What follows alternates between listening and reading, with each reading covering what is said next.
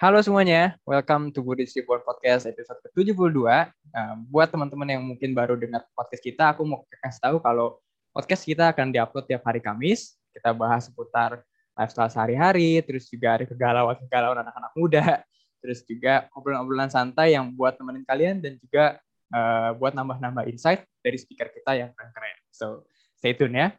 Dan buat topik kita, topik podcast kita hari ini itu kita bakal bahas tentang apologize atau permintaan maaf, mulai dari the importance pentingnya dari apologize, terus juga gimana kita ngebiasain permintaan maaf ini, terus juga kapan apologizing ini became too much dan masih banyak lagi. Sebelum kita ngelanjut, aku perkenalin diri dulu. Aku Pepin, anggota Dama Crew 9 dari tim Buddhist Reborn Sunday Service dan aku hari ini bakal ngobrol sudah ditemenin bersama speaker kita yang luar biasa. Ada Ci Desi bersama kita. Halo Ci. Apa kabar? Halo halo. Kabar? Baik. Sehat Wah. mantap thank you banget Ci. Udah disempetin. It's an honor. Ci Desi udah terus bisa disempetin share bareng Budi Sribon ini. Mungkin Ci Desi mau say hi? iya. Iya ya thank you banget buat kesempatannya untuk bisa uh, berbagi mungkin apa yang aku mungkin duluan udah lebih awal dengar atau aku yang udah lebih duluan alamin atau tahu gitu. Thank you banget buat teman-teman Buddhist Reborn dan semua pendengar podcast dari BR juga yang pastinya mudah-mudahan uh, apa pun yang kita bicarakan hari ini bisa membawakan manfaat dan kebaikan ya untuk semuanya dan Satu. yang mendengarkan pun bisa dapat input gitu, uh, bisa siap um, menerima input baru, masukan baru itu tanpa halangan.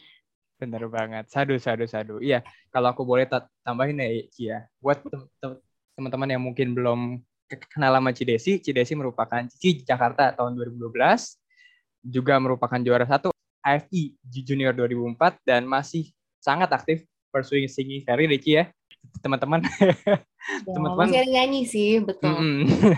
dan teman-teman yang mungkin penasaran sama nyanyiannya Cidesi, mungkin boleh langsung cek cover-cover lagu Cidesi di YouTube channel channelnya Ci ya.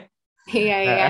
Banyak sih nggak cuma cover lagu, kayak nah, ada lagu bis juga, lagu itu alam kayak gitu. Itu dia makanya. Jangan lupa di subscribe ya guys ya. iya kita udah lama banget ya Cia. Terakhir Cidesi kalau nggak salah itu sharing Love All ya Cia di oh. di kebaktian Budi Seribuan. Nah itu keren banget sampai ada yang nangis tuh Ci. Beneran sampai ada yang nangis itu sekeren itu dan teman-teman mungkin yang juga ketinggalan atau mungkin belum ngedenger boleh langsung juga cek sharing Ici Desi ada di YouTube channelnya Budis Ribon jangan lupa di subscribe juga yeah. oke okay, anyway cukup promosinya ya Ci ya. Kita dari teman-teman biar seperti yang tadi aku udah ngomongin di opening kita hari ini mau bahas tentang apologize atau permintaan maaf. Jadi langsung aja mungkin ya kalau dari Cidesi Cidesi menurut Cici apa sih Ci pentingnya say sorry ini? Maksudnya kayak hmm, dari pengalaman aku sama teman-teman kan at least pernah lah sekali tuh kita ngalamin menyesal. Dalam artian kayak menyesal bukan karena kita ngelakuin kesalahan ya tapi karena kita miss the chance to say sorry to the person itu loh. Jadi kita kayak ngerasa nyesel dan bahkan worst case sampai malu gitu. Aku pernah di SMA tuh malu sama salah satu orang ini gara-gara hal itu. Dan itu kan kayak ngerepotin aku dan dia juga gitu kan. Jadi lumayan krusial nih kalau nggak salah soal soal permintaan maaf ini. Dan kalau menurut Cici, apologizing ini pentingnya apa, Cici? Kalau menurut aku, uh, permintaan maaf itu adalah magic words gitu. Sorry itu magic words. Golden words juga true, gitu. True. Kayak, kan kita pasti udah pernah dengar ya kayak tiga kata yang magic yang luar biasa gitu ya. Benar. Itu ada kayak tolong, terima kasih, dan juga maaf gitu. Jadi memang ini salah satu uh, ekspresi atau ucapan juga yang punya pengaruh besar dalam kehidupan hmm. kita gitu. Dan ya namanya kita kan masih manusia ya kayak kita belum sempurna gitu. Dan kita nggak luput dari uh, kesalahan itu sendiri gitu. Jadi kadang mungkin dengan atau tanpa kita sadari ya ya kita kayak yang Pepin bilang tadi kayak kita melakukan hal-hal atau kita ngucapin hal-hal yang uh, akhirnya kita sesalin gitu. Bahkan kayak mungkin kita kelewatan juga momennya gitu. Kayak untuk timingnya oh kelewat juga. Jadi kayak aduh nyesel banget gitu kan. Nah memang iya. ya itu sering kali lah mungkin karena kita kurang kurang terlatih ya untuk kayak lebih mindful untuk berada di saat ini sekarang gitu kan di sini gitu. Makanya sering aja gitu kecepatan hmm. apa yang kejadian atau yang kayak udah terlanjur gitu kayak terucap atau apa uh, dan um, maka itu sih penting banget untuk kita bisa membiasakan diri kayak untuk take pause gitu kayak untuk berhenti aja sejenak gitu. Kayak sebelum kita benar-benar berucap atau bertindak. Dan ya mungkin emang ini nggak gampang ya kayak untuk mengambil kendali atas diri kita gitu kan. Cuman kalau misalnya kita bersedia gitu mau belajar atau juga mau meluangkan waktu misalnya untuk latihan meditasi supaya kita tuh lebih benar-benar menyadari gitu setiap sensasi kayak atau apa sih yang lagi kejadian di pikiran kita di badan kita? gitu.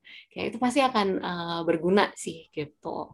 Benar nah, benar kalau misalnya nih ternyata gitu ya apa yang kita ucapkan atau kita perbuat itu ternyata benar ya menyakiti orang lain gitu kan ya atau menyinggung orang lain.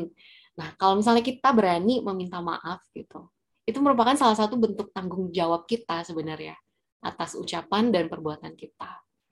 Dan aku pribadi ngerasa kalau berani meminta maaf gitu itu adalah salah satu bentuk usaha kita di dalam menjaga sila gitu.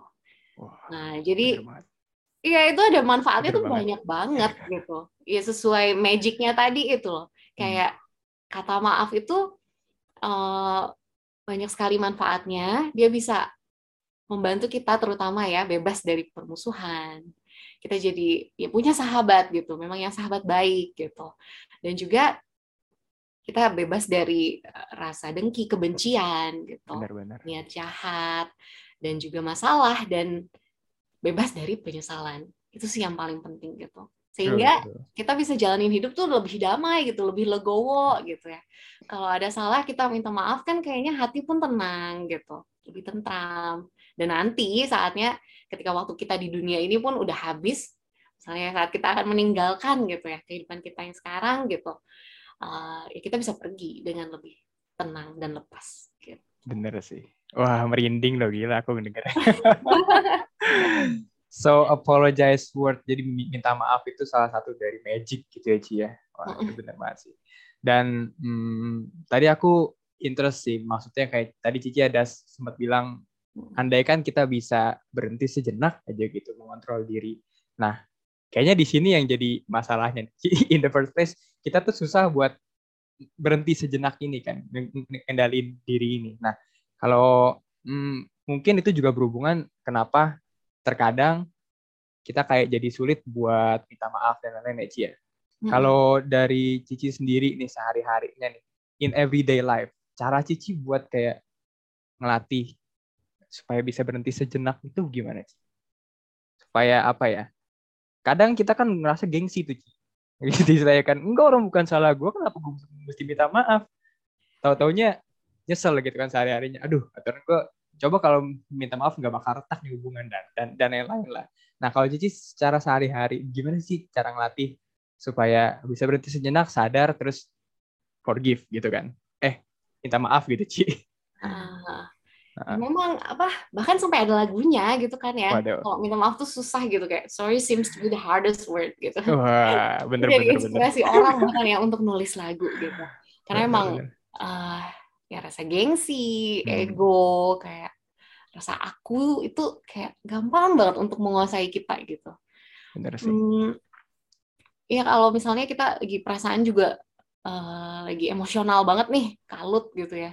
Kayaknya kan ya merasa diri paling benar gitu sejagat raya gitu.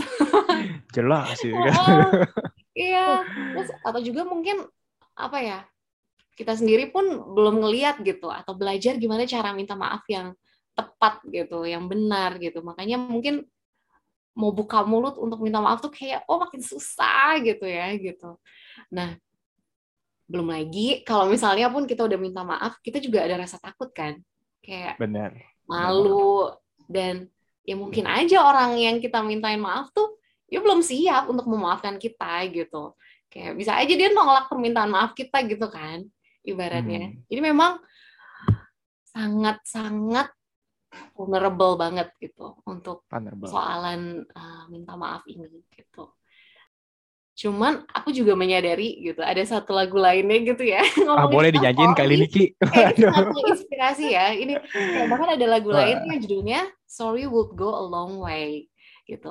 Uh, jadi kayak yang tadi aku udah bilang kan, kayak maaf itu salah satu kata yang punya uh, daya yang luar biasa gitu. Dia punya magicnya gitu kan. Um, maka itu kalau misalnya permintaan maaf itu disampaikan dengan tulus terus kayak di waktu yang tepat kayak it really would go a long way gitu hmm. bisa uh, untuk kedua pihak yang terlibat itu tuh kayak kalau misalnya ada api itu kayak bisa kesiram lah apinya yeah. gitu ya saling menyembuhkan ya Ci ya betul menyembuhkan Wah. menyejukkan gitu kayak kata maaf tuh bisa healing banget gitu yeah. untuk dua orang yang terlibat gitu um, Nah itu dia uh, gimana cara untuk melatihnya. Uh, makanya kemarin juga habis ngobrol ya sama teman-teman di Born Community gitu. Oh gitu ya. Ada Elbi Dama sharing gitu. Ah. Um, kayak jadi keinget gitu. Memang hidup itu ya harus dijalani dengan intensi gitu. Kita harus punya intention kayak uh, milih hidup yang lebih berkesadaran lah gitu kayak Sang Buddha pun saat parinibbana hmm. um, pun menyampaikan gitu kan menitip pesan gitu kayak kita harus hidup dengan apa mada gitu kayak dengan kewaspadaan gitu kayak dengan kepedulian gitu memang harus sadar gitu menjalani hidup ini kalau misalnya ya gengsi itu lagi membanjiri kita gitu ya Iya yeah. ya ya emang kita harus tarik nafas gitu kayak harus menyadari momen saat ini dan kayak terus memproses sebenarnya kenapa gengsi sih gitu. Kayak terus ini gengsi ada buat apa? Kayak manfaatnya apa untuk gengsi ini? Gitu. Ya kalau amit-amit ternyata gitu ya saat kita pause itu pun kita masih nggak menyadari gitu rasa gengsi yang mengambil alih komando gitu ya eh, atas diri ini gitu. Kayak ya udah siap-siap aja tanggung konsekuensi gitu. Kayak cepat iya atau lambat gitu kayak kita pasti akan ngerasain konsekuensinya apa pun yang kita perbuat kita ucapkan gitu kan. Dan belum lagi itu bisa punya impact untuk orang lain gitu kan. Eh, benar, uh, benar. sejak momen uh, tercetuskan ucapan itu sampai ke depannya gitu. Nah jadi ya cepat atau lambat kita memang akan tersadarkan gitu. Nah cuman hmm. mungkin proses setiap orang ya beda-beda ya. Kalaupun rasanya kok kayak jalan di tempat yang nggak apa-apa juga gitu. Tapi kalau misalnya kita emang udah uh, set attention, uh, intentionnya juga di awal gitu kan kayak udah menyadari gitu kayak oh ini harus diperbaiki gitu untuk jadi lebih baik lagi ya pasti nanti juga akan ketemu jalannya gitu. Hmm, setuju, um, setuju. Mm -mm, makanya kalau misalnya apalagi ya kalau kita udah tercerahkan gitu ya udah sadar gitu oh. kalau gengsi itu gak ada manfaatnya gitu kan. Benar. Kayak ya udah kita lepasin aja gitu kayak yang kemarin juga kita ada diskusiin tuh kayak to hmm. live hmm. is to learn to love and let go. Jadi, Wah keren banget. Iya jadi ya kita sebisa mungkin lah ya apa pun yang kita lakukan landasannya pakai cinta kasih gitu dan ya mau melepas juga kalau misalnya kita ngelakuin kesalahan pun sebenarnya kita harus bisa sih untuk uh, belajar maafin diri sendiri juga kayak gitu. benar sih Benar banget maaf diri sendiri. Ya, poin itu yang tadi yang kayak emang kita masih manusia gitu, gak luput dari kesalahan gitu. True, uh, true. Poinnya sih sebenarnya balik lagi kayak yang paling penting kita harus ingat gitu. Um, tujuan jangka panjangnya tuh apa sih gitu kayak atau manfaatnya tuh apa sih gitu kalau gengsi nggak ada manfaat kayak minta maaf lebih bermanfaat ya udah jelas banget kan alasannya gitu kayak hmm. jawabannya hmm. gitu yang nggak bermanfaat ya udah kita lepaskan lah gitu yang bisa bener, membawakan kebaikan uh, ketenangan kedamaian ya itulah yang sebaiknya kita lakukan Bener-bener. Kita apa ya Cia? Jadi harus berani buat nantangin pikiran nih kalau ada gengsi nih ya kayak hmm. buat apa sih gitu istilahnya kan? Iya, ada manfaat iya. ngobrol iya. dengan diri sendiri ya. Ah, bener banget. Aku aku sering gitu sih. Kayak aku aneh gitu rasanya. Oh emang gitu berarti ya Cia harusnya. Iya. Oke oke. Iya. Ya, mungkin kita akan belajar sih dari hmm. kesalahan kita. Mungkin nggak secara langsung kita langsung jago nih. Oh ya minta maafnya tuh kayak uh, tepat banget kayak sasarannya nah. gitu kan. Terus kayak di waktu yang tepat juga kayak ya mungkin kita nggak langsung sampai di tahap itu gitu. Benar banget. Tapi, Iya, itu bisa dilatih lah gitu. Selama kita juga berkeyakinan dan emang mau gitu, bertekad iya. gitu kan. Jadi buat teman-teman yang ngedenger, mungkin bisa ambil poinnya kayak nggak apa-apa kalau seandainya emang pernah salah atau salah karena minta maaf ini ya Ci ya. Mm. Tapi harus tetap semangat buat learn to love and to let go ya Ci ya. Betul. Yang tadi diomongin, wah keren banget, keren, keren, keren. keren. Iya, setuju, iya. setuju Ci. Oke, okay, oke. Okay. Aku mau sharing lagi nih Ci. Jadi kadang di pergaulan sehari-hari juga banyak banget apalagi buat dewasa-dewasa ini. Jadi konsepnya orang ini nih aku nggak sebut nama atau apa Cuman jadi ada sifat lah di mana menggunakan sorry ini buat jadi alasan udahlah biar cepet kelar. Udahlah gue nggak mau ribut gitu. Bukannya kita berarti harus suka dengan ribut enggak ya Ci ya? Hmm. Cuman maksudnya kayak um, kadang kan kita harus argumen, kadang kita harus debat, apalagi buat kayak yang couple-couple itu kan sering banget tuh istilahnya kan kayak lu kalau couple belum debat, belum jadi couple yang beneran gitu. Nah, lah itu kan sering sering banget tuh Ci. nah itu kayak istilahnya adalah argumen yang penting dan harus dijalanin. Tapi karena menggunakan sorry ini jadi kayak udahlah maaf ya. Ya salah gue deh udah kelar. Jadi kayak gimana? gitu. aja gitu ya. Itu dia itu Padahal dia masalah bener-bener tulus gitu ya. Makanya jadi kan di titik ini kan sorry-nya juga bukan cuma nyebelin gitu saja kan. Jadi di titik ini sorry-nya juga jadi kurang berbobot gitu Cici kayak ya sorry lu nggak bener-bener tulus benar kata Cici tadi nah hmm. kalau Cici tuh menurut Cici when does the sorry become too much gitu Cici kapan sorry ini terlalu gampang buat diomongin dan gimana ini sebaliknya ya, gimana kita supaya bisa after the apologies lebih impactful atau lebih berkualitas. Hmm. Ya, kalau misalnya diucapkan dengan ketulusan atau enggak, itu sebenarnya pasti akan kerasa sama pendengarnya gitu. Terasa. Ya. Iya, tapi memang kita pasti cari waktu yang tepat sih. Kayak menurut aku, karena permintaan maaf itu termasuk salah satunya untuk kayak bentuk aplikasi dari right speech gitu kayak ucapan yang benar gitu nah makanya kenapa kayak unsur timing itu tuh kayak penting banget gitu dan harus ada dilandaskan dengan yang ketulusan tadi itu. Soalnya kalau nggak dilandasi dengan ketulusan terus kayak terlalu gampang diucapkan tuh kayak ucapan kosong doang gitu kan.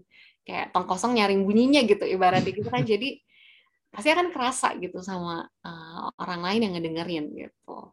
Dan kalau emang kayak untuk sekali kita minta maaf tuh kayak masih belum dimaafkan ya berarti itu PR kita gitu kan kayak untuk cari cara lain. Mungkin misalnya ngelakuin sesuatu yang dari perbuatan kita untuk nunjukin bahwa kita um, merasa bersalah dan kita ingin improve ini gitu. Benar-benar karena soalnya it is our attitude that makes all the difference gitu.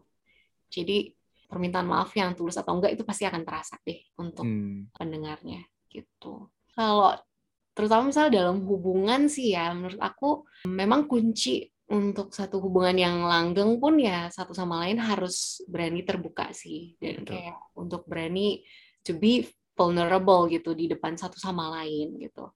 Ya kalau memang ini kesalahan kita ini kayak kelemahan kita gitu ya kita harus berani mengakui dan merangkulnya gitu. Benar. supaya apa? Ya supaya orang lain pun bisa lakuin hal yang sama gitu. Supaya mereka pun mau dan bersedia gitu kayak untuk rangkul kita balik mereka. iya ya, rangkul kita balik gitu dengan segala keterbatasan dan kekurangannya gitu. Hmm. ah, setuju banget nih. Ngena banget nih kayaknya Cici iya bener-bener tadi Cici sempat bahas tentang timing nih aku jadi kayak inget lagi. Maksudnya timing ketika kita say sorry kita mau minta maaf tuh timingnya gimana ya Ci? Misalnya nih ya ada kesalahan lah. Kita bikin mistake ke dia. Dia tersakiti kita jadi jauh nih ya kan? Hmm. terus timing apa gitu? Lihat dari mana gitu? Ah ini nih saya sorry. Sukses. Itu gimana caranya Cici timing yang kayak apa yang, yang menurut Cici yang tadi Cici omongin. Ya mungkin ada dua yang bisa kita pertimbangkan kali ya gitu. Misalnya hmm. mungkin kalau untuk kesalahan yang nggak terlalu fatal gitu ya kayak mungkin esensi untuk kecepatannya itu kayak uh, untuk disampaikan itu mungkin yang lebih ngaruh gitu ya. Uh, berarti kan kita emang cepat menyadarinya gitu. Tapi untuk sesuatu yang udah terlanjur berlarut gitu, atau yang kayak memberikan impact yang besar gitu ya kayak pukulan yang besar untuk orang lain. Nah itu tuh mungkin kita mesti cari waktu yang emang saat dua-duanya tuh udah lebih uh, kalem gitu, udah lebih tenang, tone down gitu. Soalnya saat kita masih emosi gitu kan ibaratnya kan kayak kita gelap mata, kita juga tutup telinga sama sekali kita nggak siap gitu untuk mendengarkan bahkan penjelasan orang lain gitu. Jangan kan permintaan maaf. Kayak mungkin penjelasan dari sisi dia aja kita nggak mau tahu gitu kan iya, jadi ya ini namanya memang keterampilan hidup sih. Jadi kayak sesuatu Wah. yang kita harus latih juga kayak untuk mau ngertiin orang lain, mikirin dari sisi mereka udah siap belum, dan dari kitanya sendiri pun sebenarnya udah benar-benar ngerasa dan menyadari nggak sih kalau kita tuh nggak pasnya di mana gitu, uh, yang mungkin yang kurang berkenan terhadap orang lainnya tuh apa gitu dan kalau misalnya emang kita udah menyadari ada kurangnya itu gitu nah kita sendiri pun baru siap gitu untuk meminta maaf kayak gitu hmm. iya nggak semuanya cepat bagus gitu ya Ci ya kadang iya, iya. Kadang kita butuh waktu buat apa ya buat kita introspeksi sekalian nungguin dia juga kalem gitu misalnya kan terus juga uh, ya itulah ya kita wise wise lah buat mikirin timingnya gitu ya Ci ya. oke okay. oh, iya. okay. oh, kalau ngomongin right hmm. speech, sebenarnya aku ingat ada salah satu guru juga, Sister Sylvia Bay gitu. Oh, okay. Beliau uh, ngajarin tentang right speech gitu kan. Nah, kalau rumus atau formula yang dia bikin itu katanya ICE plus gitu. ICE-nya oh, ICE plus itu jadi apa gitu? I untuk intention.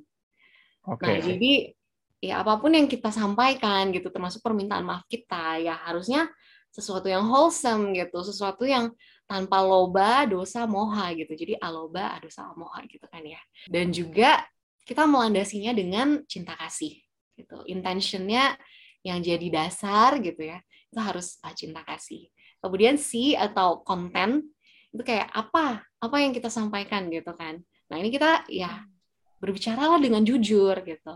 Yang sesuai fakta dan kita bersedia gitu ya untuk mau membuka hati kita dan mata kita juga kayak untuk melihat realitas sebagaimana adanya gitu. Dan sekali lagi karena ini tentang keterampilan hidup ya. Jadi kita cenderunglah belajar untuk lebih meng-highlight apa yang bermanfaat gitu. Kalau hal-hal yang mungkin kita tahu itu akan menyakiti orang atau mungkin memecah atau memisahkan gitu kan ya atau menjauhkan Benar. gitu.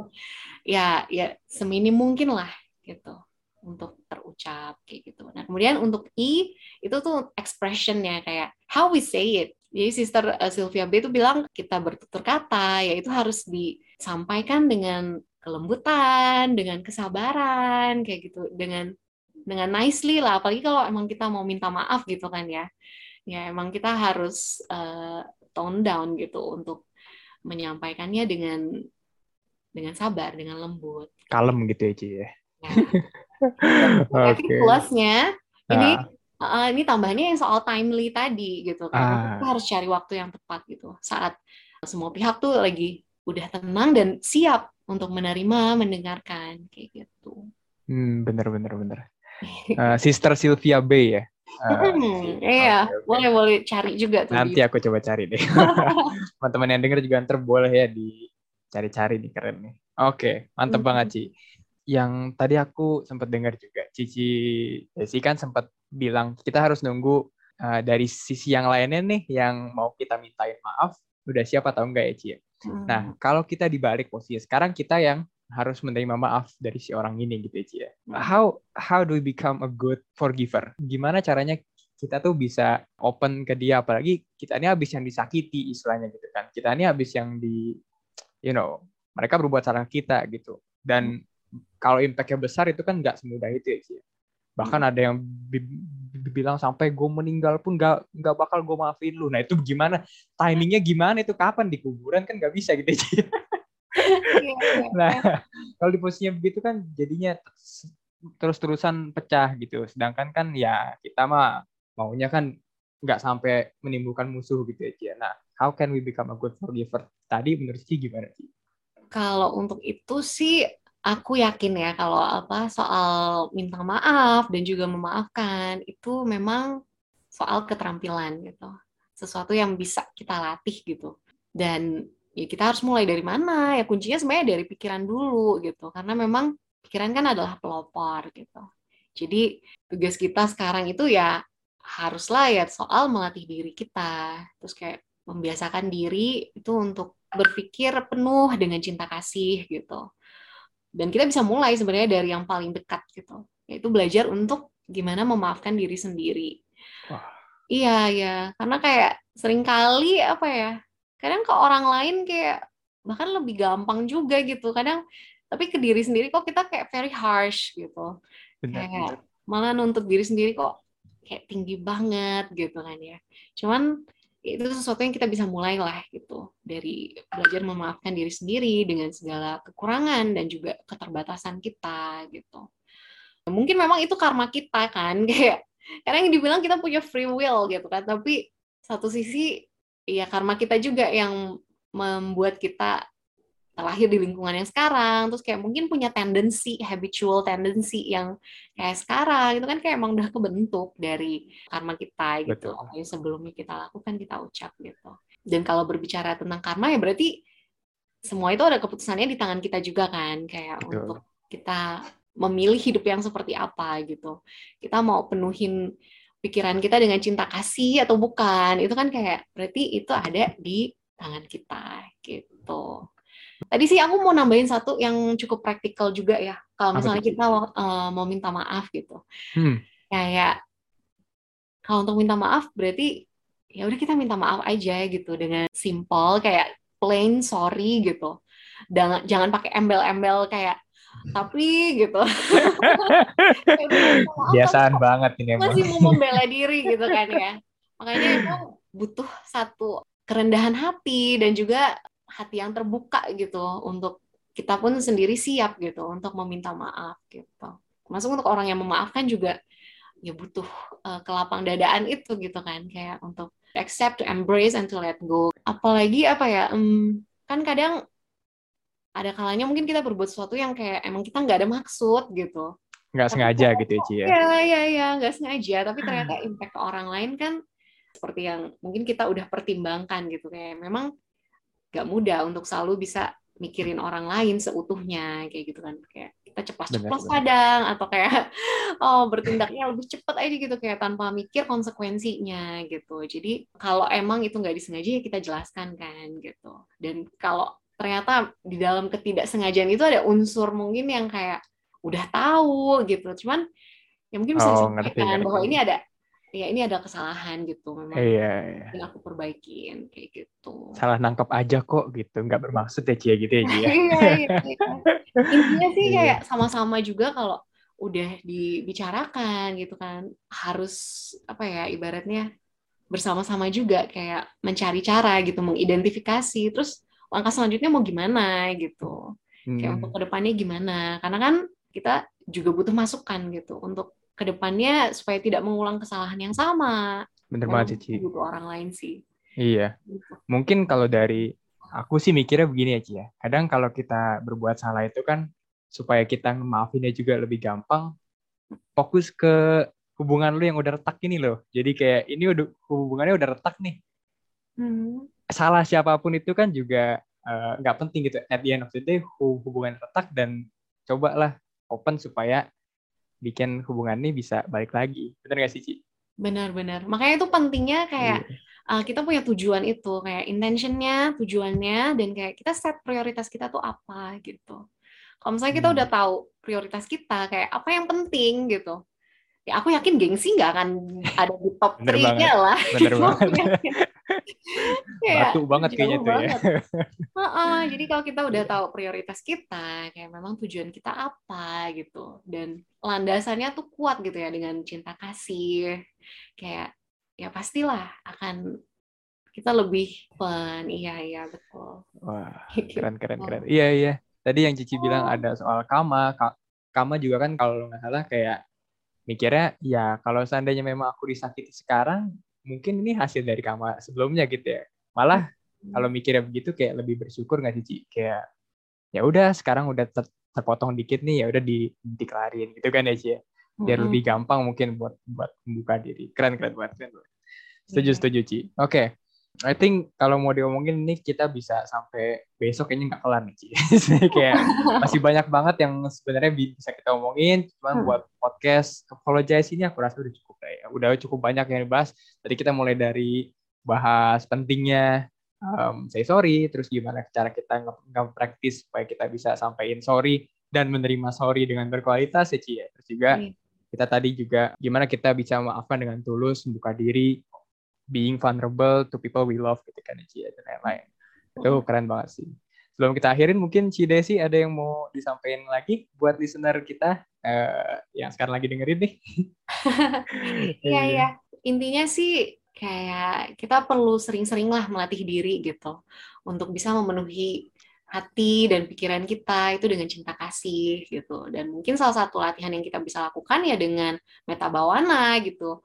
Uh, dengan kita memancarkan meta kita kayak mendoakan yang terbaik gitu untuk semua makhluk untuk mereka yang mungkin menyakiti kita atau yang kita sakitin waktu kita sengaja atau nggak sengaja gitu. Ya kayak kita mengirimkan cinta kasih itu kepada mereka gitu kalau perlu spesifik bayangkan orangnya ya bayangkan aja hmm. gitu. Ya, lebih ngena Eci ya? iya kayak sampai akhirnya satu saat pun kita udah benar-benar ikhlas gitu. Kita benar-benar legowo gitu. Tiada kebencian kayak juga ya itu tadi cinta kasih itu menurut aku kayak memang satu sifat yang sangat luhur yang bisa jadi pondasi untuk semua muanya gitu. Dan mungkin nanti dari cinta kasih itu bisa berkembang lagi gitu kan ke Brahma Wihara yang lain gitu. Nah tapi kita bisa mulai dari satu hal yang mudah uh, yang paling simple gitu yang paling basic. Dan ya salah satunya ya dengan berlatih mungkin meditasi cinta kasih gitu. Hmm, wah, bener lah. banget. Mulai dari diri sendiri juga terus untuk orang-orang yang ada di sekitar kita gitu kan benar benar ya benar latihan meditasi guys oke okay? iya. iya sekali lagi thank you banget si Desi udah disempatin buat hadir hari ini I can I cannot thank you enough ya yeah. dan thank you juga dan thank you juga buat teman-teman yang udah terus dengerin sampai selesai kita benar-benar berharap semoga podcast ini bisa membantu tuh teman-teman dapat insight lah. Seenggak-enggaknya bisa nemenin kalian gitu kan ya dan dapat dipraktikkan di sehari Sadu. Aduh, And may you all be happy. Soti Hotu, teman-teman semua. Sampai jumpa lain kesempatan. Bye-bye. Bye. Bye semua.